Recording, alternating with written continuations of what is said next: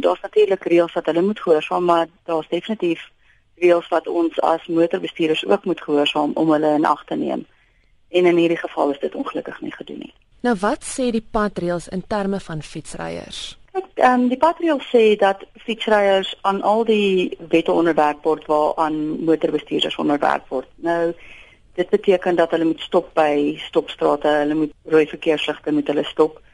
Ehm um, daar staan verdere spesifikasies wat sê hulle moet aan die linkerkant van die pad ry en dat hulle een-een agter mekaar moet ry. Ehm um, in Engels word die woorde gebruik single file, so enkelvoudig en dat hulle slegs twee langs mekaar mag ry wanneer hulle verbygaan. Nou as ons kyk na hierdie spesifieke geval, het dit gebleik dat die fietsryers binne die geelstreep gery het, so hulle was aan die linkerkant van die pad. En wat van aangewese fietsryzones? Dit is definitief die ideaal om te is dat daar spesifieke bane is vir ons fietsryers om te gebruik. Ehm um, ongelukkig is dit nie realisties op al ons paaie in Suid-Afrika nie omdat die paaie reeds 20, 30 jaar terug ontwerp is en daar nie genoeg voorsiening gemaak word vir ander padgebruikers as jou motorvoertuigbestuurders nie. Ons sien dat daar nie voldoende fasiliteite geskep word vir ons fietsryers nie en ook nie vir ons voetgangers nie. So op hierdie stadium kyk ons ingenieurs net na ons gemotoriseerde bestuurders en nie na ons wat ons noem ons vulnerable um, padgebruikers nie, ons mense wat meer kwesbaar op die paaie is. Is dit vir 'n fietsryer teen die reëls om in 'n sone te ry wat nie 'n aangewese fietsryzone is nie? Nee, definitief nie. Ehm um, kyk daar sekere paaie soos ons snelweë waar fietsryers nie mag kom nie, maar op 'n gewone pad het die fietsryer soveel reg as jou motorbestuurder, want hy is ook 'n padgebruiker.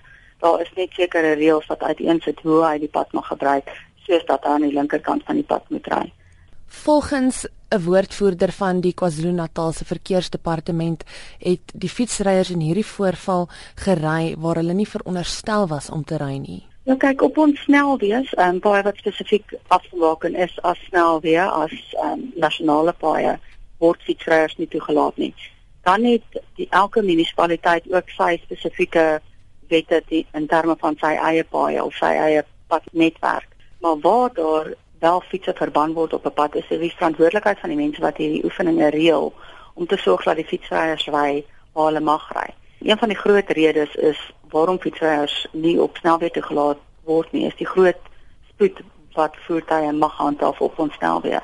Dit 'n fietsryer ry gemiddeld tussen 20 en 40 as hy baie vinnig ry en die motors ry 120 km/h. So die differentiaal in spoed is te groot om sorg dat fietsryers veilig op ons snelweë kan wees. En hoe word motoriste hierdeur geraak? Ons motoriste moet geduldiger wees op die paaie met alle ander padgebruikers. Ehm um, dit sluit sluit fietsryers in.